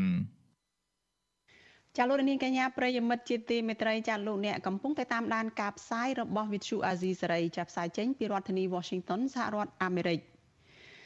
ចាក្រុមកម្មករនៅតាមរោងចក្រកាត់ដេរកំពុងតែនាំគ្នាទៀមទាប្រាក់ឈ្នួលគោលឬប្រាក់ឈ្នួលអបបរមាសម្រាប់ឆ្នាំ2023នេះឲ្យបាន215ដុល្លារនៅក្នុងមួយខែពួកគេផ្អែកលើបញ្ហាប្រឈមមួយចំនួនសម្រាប់ការទៀមទានេះជាពិសេសបញ្ហាតម្លៃទំនិញគ្រប់មុខទីនៅលើទីផ្សារនិងប្រេងឥន្ធនៈឡើងថ្លៃខ្ពស់ តើកម្មករនៅក្នុងវិស័យកាត់ដេរនិងវាយនភ័ណ្ឌនេះអាចនឹងទទួលបានប្រាក់ឈ្នួល100 215ដុល្លារទៅតាមការទៀមទារបស់ពួកគេដែរឬទេចាសសូមអញ្ជើញលោកអ្នកនាងរងចាំតាមដានបទសម្ភាសន៍ផ្ទាល់អំពីរឿងនេះនៅក្នុងការផ្សាយរបស់យើងនៅពេលបន្តិចទៀតនេះ។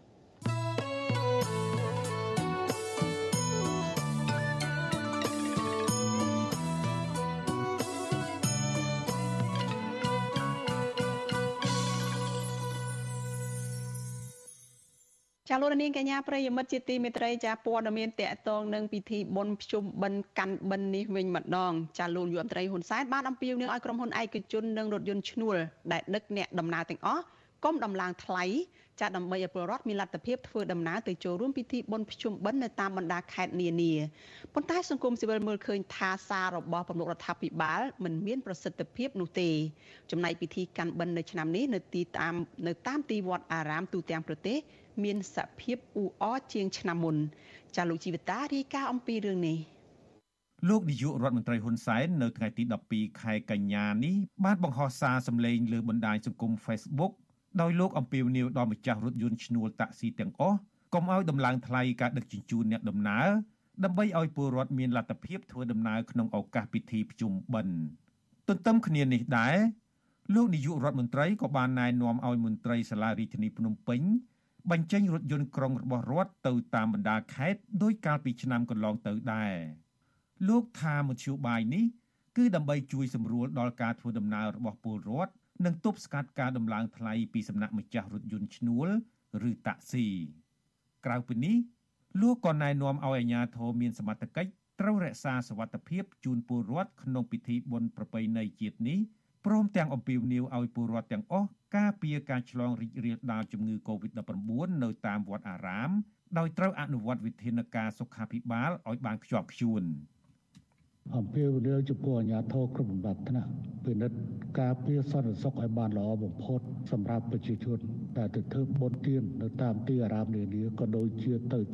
ទៅកំសាន្តនៅកន្លែងនានានៅក្នុងឱកាសជុំបិណ្ឌអំពាវនាវចំពោះរថយន្តទាំងឡាយ សូមកុំឲ្យតម្លើងថ្លៃនៅក្នុងរយៈពេលនៃការធ្វើបុណ្យដើម្បីប្រជាជន មានលទ្ធភាពក្នុងការធ្វើដំណើរទោះជាយ៉ាងណា មន្ត្រីសង្គមស៊ីវិលមើលឃើញថាបញ្ហាឡានឈ្នួល និងរថយន្តក្រុងឡើងថ្លៃនេះតែងតែកើតឡើងជារៀងរាល់ឆ្នាំដែលធ្វើឲ្យប៉ះពាល់ដល់ជីវភាពរបស់ពលរដ្ឋក្រីក្រ និងកម្មកររោងចក្រប្រធានសមាគមប្រជាធិបតេយ្យឯករាជ្យនៃសេដ្ឋកិច្ចក្រៅប្រព័ន្ធលោកវុនពៅថ្លែងថា សារអំពាវនាវនឹងការបញ្ចេញរថយន្តក្រុងរដ្ឋកន្លងមកនេះมันអាចដោះស្រាយការឆ្លៀតឱកាសរបស់អ្នកផ្ដល់សេវាដឹកអ្នកដំណើរអំឡុងពេលបុណ្យជាតិសំខាន់សំខាន់បាននោះទេលោកយល់ថារដ្ឋាភិបាលគួរតែដាក់ចេញយន្តការគ្រប់គ្រងច្បាស់លាស់ជាងនេះដូចជាការទប់ស្កាត់ការដំឡើងថ្លៃដឹកជញ្ជូនអ្នកដំណើរតម្លៃចំណតរថយន្តការផ្សព្វផ្សាយឲ្យបានទូលំទូលាយជាដើម។ ពេលបនប្រជុំអញ្ចឹងឡើងថ្លៃទៀតវារឹតតែគាត់អត់មានលទ្ធភាពទៅលេងស្រុកកំណើតក្នុងការប្រារព្ធពិធីបនប្រពៃណីជាតិរបស់ខ្លួនហើយគាត់មិនអាចមានឱកាសក្នុងការជួបជុំក្រុមគ្រួសារបន្ថែមទៀតដែលធ្វើឲ្យប៉ះពាល់ទៅនឹងការអខាតជួបជុំសុខដុមរមនានៅក្នុងគ្រួសារអខានទៅនឹងការចំណាយដែលចំណូលគាត់កំពុងធ្លាក់ចុះបែបនេះបាទចំណែកទស្សនវិជ្ជានៅក្នុងថ្ងៃបុណ្យកាន់បិណ្ឌវេនទី2រយៈពេល2ថ្ងៃនេះវិញ ពុទ្ធបរិស័ទខ្លះនៅតាមខេត្តមួយចំនួនបានស្រស់ស្រួលគ្នារៀបចំពិធីសូត្រមន្តស្ដាប់ព្រះសង្ឃសម្ដែងប្រធមទេសនានិងធ្វើចង្ហាន់នៅឯវត្តដែលអ្នកស្រុកហៅថាកាន់បិណ្ឌឬកាន់វេនហើយអ្នកខ្លះទៀតធ្វើចង្ហាន់មានដូចជាបាយម្ហូបនំចំណីនិងសម្ភារៈផ្សេងទៀតយកពីផ្ទះទៅប្រគេនព្រះសង្ឃដែលកំពុងគង់ចាំព្រះវស្សាដើម្បីឧទ្ទិសកុសលបុណ្យដល់បុព្វការីដែលបានចែកឋានហើយ។ ពិធីបុណ្យនេះក៏មានពលរដ្ឋទៅកាន់វត្តអារាមនៅពេលព្រឹកព្រលឹមស្រាងស្រាងប្រហែលជាម៉ោង4ទៀបភ្លឺដើម្បីបោះបាយបិណ្ឌនិងស្ដាប់ព្រះសង្ឃសូត្រធម៌ព្រះសង្ឃគង់នៅវត្តនិកវ័នរាជធានីភ្នំពេញប្រដេជគុណប៉មសវណ្ណៈមានធរៈដីកាថានៅវត្តរបស់ព្រះអង្គនៅថ្ងៃកាន់បិណ្ឌវេនទី2នេះមិនសូវមានមនុស្សច្រើនកុះករដោយថ្ងៃដំបូងដែលចំថ្ងៃពលរដ្ឋឈប់សម្រាកពីការងារនោះទេ ព្រះអង្គបន្តថាចង្ហាន់ប្រសង់ឆ្នាំនេះសម្បូរហូរហៀជាងឆ្នាំមុនប៉ុន្តែនៅក្នុងវត្តមិនអ៊ូអរនោះទេ ដោយពុទ្ធបរិស័ទភាគច្រើនគ្រាន់តែមកប្រគេនចង្ហាន់និងអុជធូបរាប់បាតឧទ្ទិសកុសលផលបុណ្យដល់បុព្វការីដែលបានចែកឋាន ហើយត្រឡប់ទៅផ្ទះវិញភ្លាមៗដោយពួកគាត់ខ្លាចឆ្លងជំងឺ Covid-19 ព្រះអង្គបញ្ជាក់ថាវត្តរបស់ព្រះអង្គមានប្រសង់ជាង300អង្គ និងដូនជីតាជីនិងកូនសិស្សស្នាក់អាស្រ័យក្នុងវត្តជិត200នាក់ហើយចង្ហាន់ដែលនៅសេសសល់ខាងវត្តបានផ្ដល់ជូនទៅពលរដ្ឋក្រីក្រកុមារកំព្រា និងមន្ទីរពេទ្យជាដើមពូក្នុងខ្សាច់ហើយបានរាប់បានអញ្ចឹងណាព្រោះមានកម្មវិធីវាហោហែអញ្ចឹងដែរតាមប្រពៃណីពុទ្ធសាសនារបស់ខ្មែរយើងយើងទៅព្រោះតកតងចំណងថ្ងៃនេះដែរ កប់សង្កល់មើលនៅក្នុងវត្តទីអារាមក្នុងវត្តនេរវ័នឃើញថារៀងសប្បាយហើយបើសិននិយាយអំពីចង្ហាន់វិញมันច្រើនណាស់ណាទេហើយក៏អាចប្រព្រឹត្តទៅបានចំណែកប្រសងគង់នៅវត្តចាមរអាស្រុកមូងរិស័យខេត្តបាត់ដំបងប្រដេជគុណជាវុធី មានធរៈដីកាថាវត្តរបស់ព្រះអង្គគង់ចាំព្រះវស្សានៅតំបន់ដាច់ស្រយាលហើយអ្នកភូមិភាគច្រើនធ្វើស្រែចម្ការនិងចំណាក់ស្រុក ព្រះអង្គបន្តថារដូវបុណ្យទានឆ្នាំនេះពុទ្ធបរិស័ទនៅទីនោះបាននាំគ្នាកាន់វេនបិណ្ឌតាមភូមិនីមួយៗដើម្បីរៀបចំចង្ហាន់ប្រគេនព្រះសង្ឃនិងពិធីបង្សកូលជូនដូនតាដែលបានបាត់បង់ជីវិតតាមបែបព្រះពុទ្ធសាសនាព្រះអង្គថាចង្ហាន់នៅវត្តរបស់ព្រះអង្គមិនហូរហៀនោះទេ ដោយពលរដ្ឋមានជីវភាពខ្វះខាតយើងជាអ្នកសម្ដែងបំផុសយើងអាចជ្រាបប្រកបឲ្យយល់ពីតម្លៃនៅក្នុងបនកម្មបិណ្ឌ ជាមួយយើងអប់រំពួកគាត់ផ្សេងផ្សេងទៀតតទៅនឹងអឺវប្បធម៌តទៅនឹងធម៌របស់សម្មាសម្ពុទ្ធហ្នឹងយើងអាចជាឱកាសពេលនេះយើងអាចយកមកបញ្ចូលប្រាប់ពីពួកគាត់ដើម្បីពួកគាត់បានយល់ដឹងហើយយល់នៅពីតម្លៃក្នុងពុទ្ធសាសនាកាន់តែខ្លាំងឡើងជាងមុនដោយឡែកតំណាងសហគមន៍129នៅឃុំកណ្ដោលស្រុកបទុមសាគរខេត្តកោះកុងលោកស្រីសៅនួយប្រាប់វិទ្យុអាស៊ីសេរីនៅថ្ងៃទី12កញ្ញាថា ពលរដ្ឋនៅក្នុងសហគមន៍របស់លោកស្រី មានជីវភាពក្រីក្រដោយក្រុមហ៊ុនរំលោភយកចំការជាង10ឆ្នាំមកហើយដោយគ្មានដំណោះស្រាយឡើយលោកស្រីថាទោះបីជួបបញ្ហាលំបាកយ៉ាងណាក៏អ្នកភូមិមិនភ្លេចអំពីទំនៀមទម្លាប់មកពីដូនតានោះទេ ដោយពួកលោកស្រីបានធ្វើចង្ហាន់ប្រគេនព្រះសង្ឃនិងនាំគ្នារៃរង្គៀសប្រាក់បន្តិចបន្តួចចូលរួមធ្វើបុណ្យកាន់វេនដែរលោកស្រីបួងសួងសូមឲ្យពលរដ្ឋក្នុងសហគមន៍ជួបតែសេចក្តីសុខ និងទទួលបានដំណោះស្រាយបញ្ហាដីធ្លីឲ្យបានឆាប់ឆាប់ពីមុនមកយើងរៀងក្រាន់ដែរដល់ពេលឥឡូវគាត់ចូលអីមិនបានដែរចាស់ចាស់ហើយដូចនៅខ្ញុំទៅស្ទតែចាំនិយាយថាគាត់ជាជនគាត់ស្ទតែអត់ដែរយ៉ាងគ្រូជួបនយូរអីក៏យើងមិនជួបបានដូចគេអ្នកមានទេលោកគ្រូតាក់ទងនឹងរឿងនេះព្រះប្រធានលេខាធិការដ្ឋានគណៈសង្ឃនយោជនិងជាព្រះមេគុណរាជធានីភ្នំពេញប្រដេជគុណខឹមសនមានធរណីកាអះអាងថា ក្រោយការរាតត្បាតនៃជំងឺ Covid-19 ពិធីបុណ្យភ្ជុំបិណ្ឌឆ្នាំនេះបានប្រព្រឹត្តទៅដោយមានពុទ្ធបរិស័ទជាច្រើនជួបជុំគ្នានៅតាមវត្តអារាមឡើងវិញដោយពុំមានវត្តណាខ្វះចង្ហាន់នោះទេបុណ្យកាន់បិណ្ឌភ្ជុំបិណ្ឌហ្នឹងមែនទែនទៅពាក្យពពាក្យបរោះយើងណែនាំថាគឺជាបុណ្យមួយដែលដាស់សតិស្មារតីយើងទាំងអស់គ្នាឲ្យមានការសាមគ្គីគ្នាគ្រប់កលៈទេសៈទាំងអស់ នឹងហើយដើម្បីព្រះពុទ្ធសាសនានិងសង្គមជាតិហើយនិងសេចក្តីសុខចម្រើនរបស់យើងទី2គឺដើម្បីឧទ្ទិសបុណ្យកុសលជូនបុព្វការីជនហើយនិងទី3ទៀតនោះដើម្បីសេចក្តីល្អយើងគ្រប់គ្រប់គ្នាពិធីកាន់បិណ្ឌមានរយៈពេល15ថ្ងៃគឺចាប់ពីថ្ងៃ1រោចដល់ថ្ងៃ15រោចខែពុទ្ធបុត្រគឺជាថ្ងៃបុណ្យភ្ជុំធំតាមទំនៀមទម្លាប់របស់ពលរដ្ឋខ្មែរនិងការកំណត់ជាទៀងទាត់ពីបុរាណកាលមក ពិធីបុណ្យនេះ ធ្វើឡើងដើម្បីឧទ្ទិសកុសលដល់វិញ្ញាណក្ខន្ធនៃអ្នកមានគុណទាំងឡាយដែលបានលាចាកលោកនេះទៅកាន់លោកខាងមុខបុណ្យកាន់បិណ្ឌឆ្នាំនេះគឺចាប់ផ្ដើមពីថ្ងៃទី11ដល់ថ្ងៃទី25ខែកញ្ញា ដែលជាថ្ងៃបុណ្យភ្ជុំខ្ញុំជីវិតាអាស៊ីសេរី ចាលោកនាងកញ្ញាប្រិយមិត្តជាទីមេត្រីចាតកតងទៅនឹងក្រុមកម្មការនៅក្នុងវិស័យកាត់ដេរវិញម្ដងចាក្រុមកម្មការនៅក្នុងវិស័យកាត់ដេរកំពុងតែទាមទារប្រាក់ឈ្នួលគោលឬក៏ប្រាក់ឈ្នួលអបបរមាចាចំនួន215ដុល្លារនៅក្នុងមួយខែ ពួកគេផ្អែកលើបញ្ហាប្រឈមមួយចំនួនសម្រាប់ការទៀមទានេះចាត់ជាពិសេសគឺបញ្ហាតម្លៃគ្រប់មុខនៅលើទីផ្សារតម្លៃទំនិញគ្រប់មុខនៅលើទីផ្សារនិងប្រេងឥន្ធនៈឡើងថ្លៃខ្ពស់ចាត់តើក្រុមកម្មការកាត់ដេរនិងវិញ្ញាណភ័ណ្ឌអាចនឹងទទួលបានប្រាក់ឈ្នួលគោល215ដុល្លារទៅតាមការទៀមទាដែរឬទេចាសសូមអញ្ជើញលោកអ្នកនាងរងចាំតាមដានបទសម្ភាសអំពីរឿងនេះនៅក្នុងការផ្សាយរបស់យើងនៅពេលបន្តិចទៀតនេះ ចាលោកនាងជាទីមេត្រីចាចំពោះលោកនាងដែលកំពុងតែតាមដានការផ្សាយរបស់វិទ្យុអាស៊ីសេរីចានៅលើវិទ្យុរលកធាតុអាកាសខ្លីចា SW ចាលោកនាងមិនលឺការផ្សាយរបស់យើងជាបន្តទៅទៀតទេប៉ុន្តែលោកនាងដែលកំពុងតែតាមដានការផ្សាយរបស់យើងនៅលើបណ្ដាញសង្គម Facebook និង YouTube ចាសូមបន្តតាមដានការផ្សាយរបស់យើងជាបន្តទៅទៀតហើយនៅក្នុងកម្មវិធីជាបន្តទៅទៀតនេះចានេះខ្ញុំនឹងមានសម្ភារផ្ទាល់មួយចាតកតនឹងថាតើក្រុមកម្មករនៅក្នុងវិស័យកាត់ដេរនិងវាយនភ័ណ្ឌចាអាចនឹងទទួលបានប្រាក់ខែគោលអបបរមាឬក៏ប្រាក់ខែងាប់នឹងបាន215ដុល្លារទៅតាមការទីមទារបស់ពួកគេដែរឬទេចា៎ ចាលោកនាងជាទីមេត្រីចាតកតងទៅនឹងបញ្ហាគ្រឿងញៀនវិញម្ដងចាស់ប្រហែលឆ្នាំចុងក្រោយនេះការចរាចរណ៍គ្រឿងញៀននៅកម្ពុជាគឺមានសន្ទុះកាន់តែខ្លាំងបើទោះបីជាមានការបដិញ្ញាចិត្តចាត់ទប់ស្កាត់ពីសំណាក់អាជ្ញាធររដ្ឋាភិបាលយ៉ាងណាក្តីចាស់គ្រឿងញៀននិងសារធាតុកែច្នៃគ្រឿងញៀនរាប់សិបតោនត្រូវបាននាំចូលនិងរឹបអូសជាបន្តបន្ទាប់ចាស់ជាឧទាហរណ៍នៅក្នុងរយៈពេល3ខែដើមឆ្នាំ2022នេះសមត្ថកិច្ចចាប់បានគ្រឿងញៀនជាង3តោនដែលតួលេខនេះគឺកើនឡើង19ដងបើប្រៀបធៀបនឹងរយៈពេលដូចគ្នា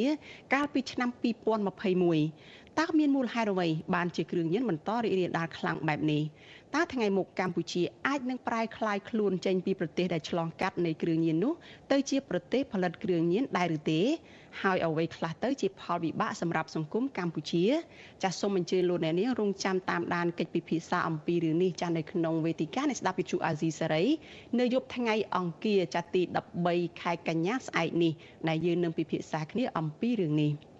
ចាលោកនាងក៏អាចចូលរួមបញ្ចេញមតិយោបល់ឬក៏សាកសួរវាគ្មិនរបស់យើងចានៅដោយដាក់លេខទូរស័ព្ទនៅក្នុងខ្ទង់ comment របស់ Facebook និង YouTube របស់ Vithu Azizi សេរីចាក្រុមការងាររបស់យើងនឹងហៅទៅលោកអ្នកនាងវិញ ចាលោកនាងជាទីមេត្រី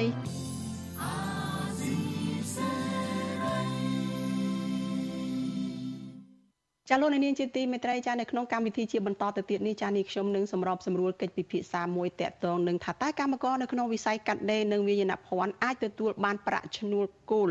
215ដុល្លារចាទៅតាមការទៀមទាដែរទេចាភ្ញៀវរបស់យើងគឺមានលោកអាត់ធុនដែលលោកជាប្រធានសហភាពការងារកម្ពុជាចាសូមអញ្ជើញលោកនាងតាមដានការផ្សាយរបស់យើងជាបន្តទៅទៀតដូចតទៅ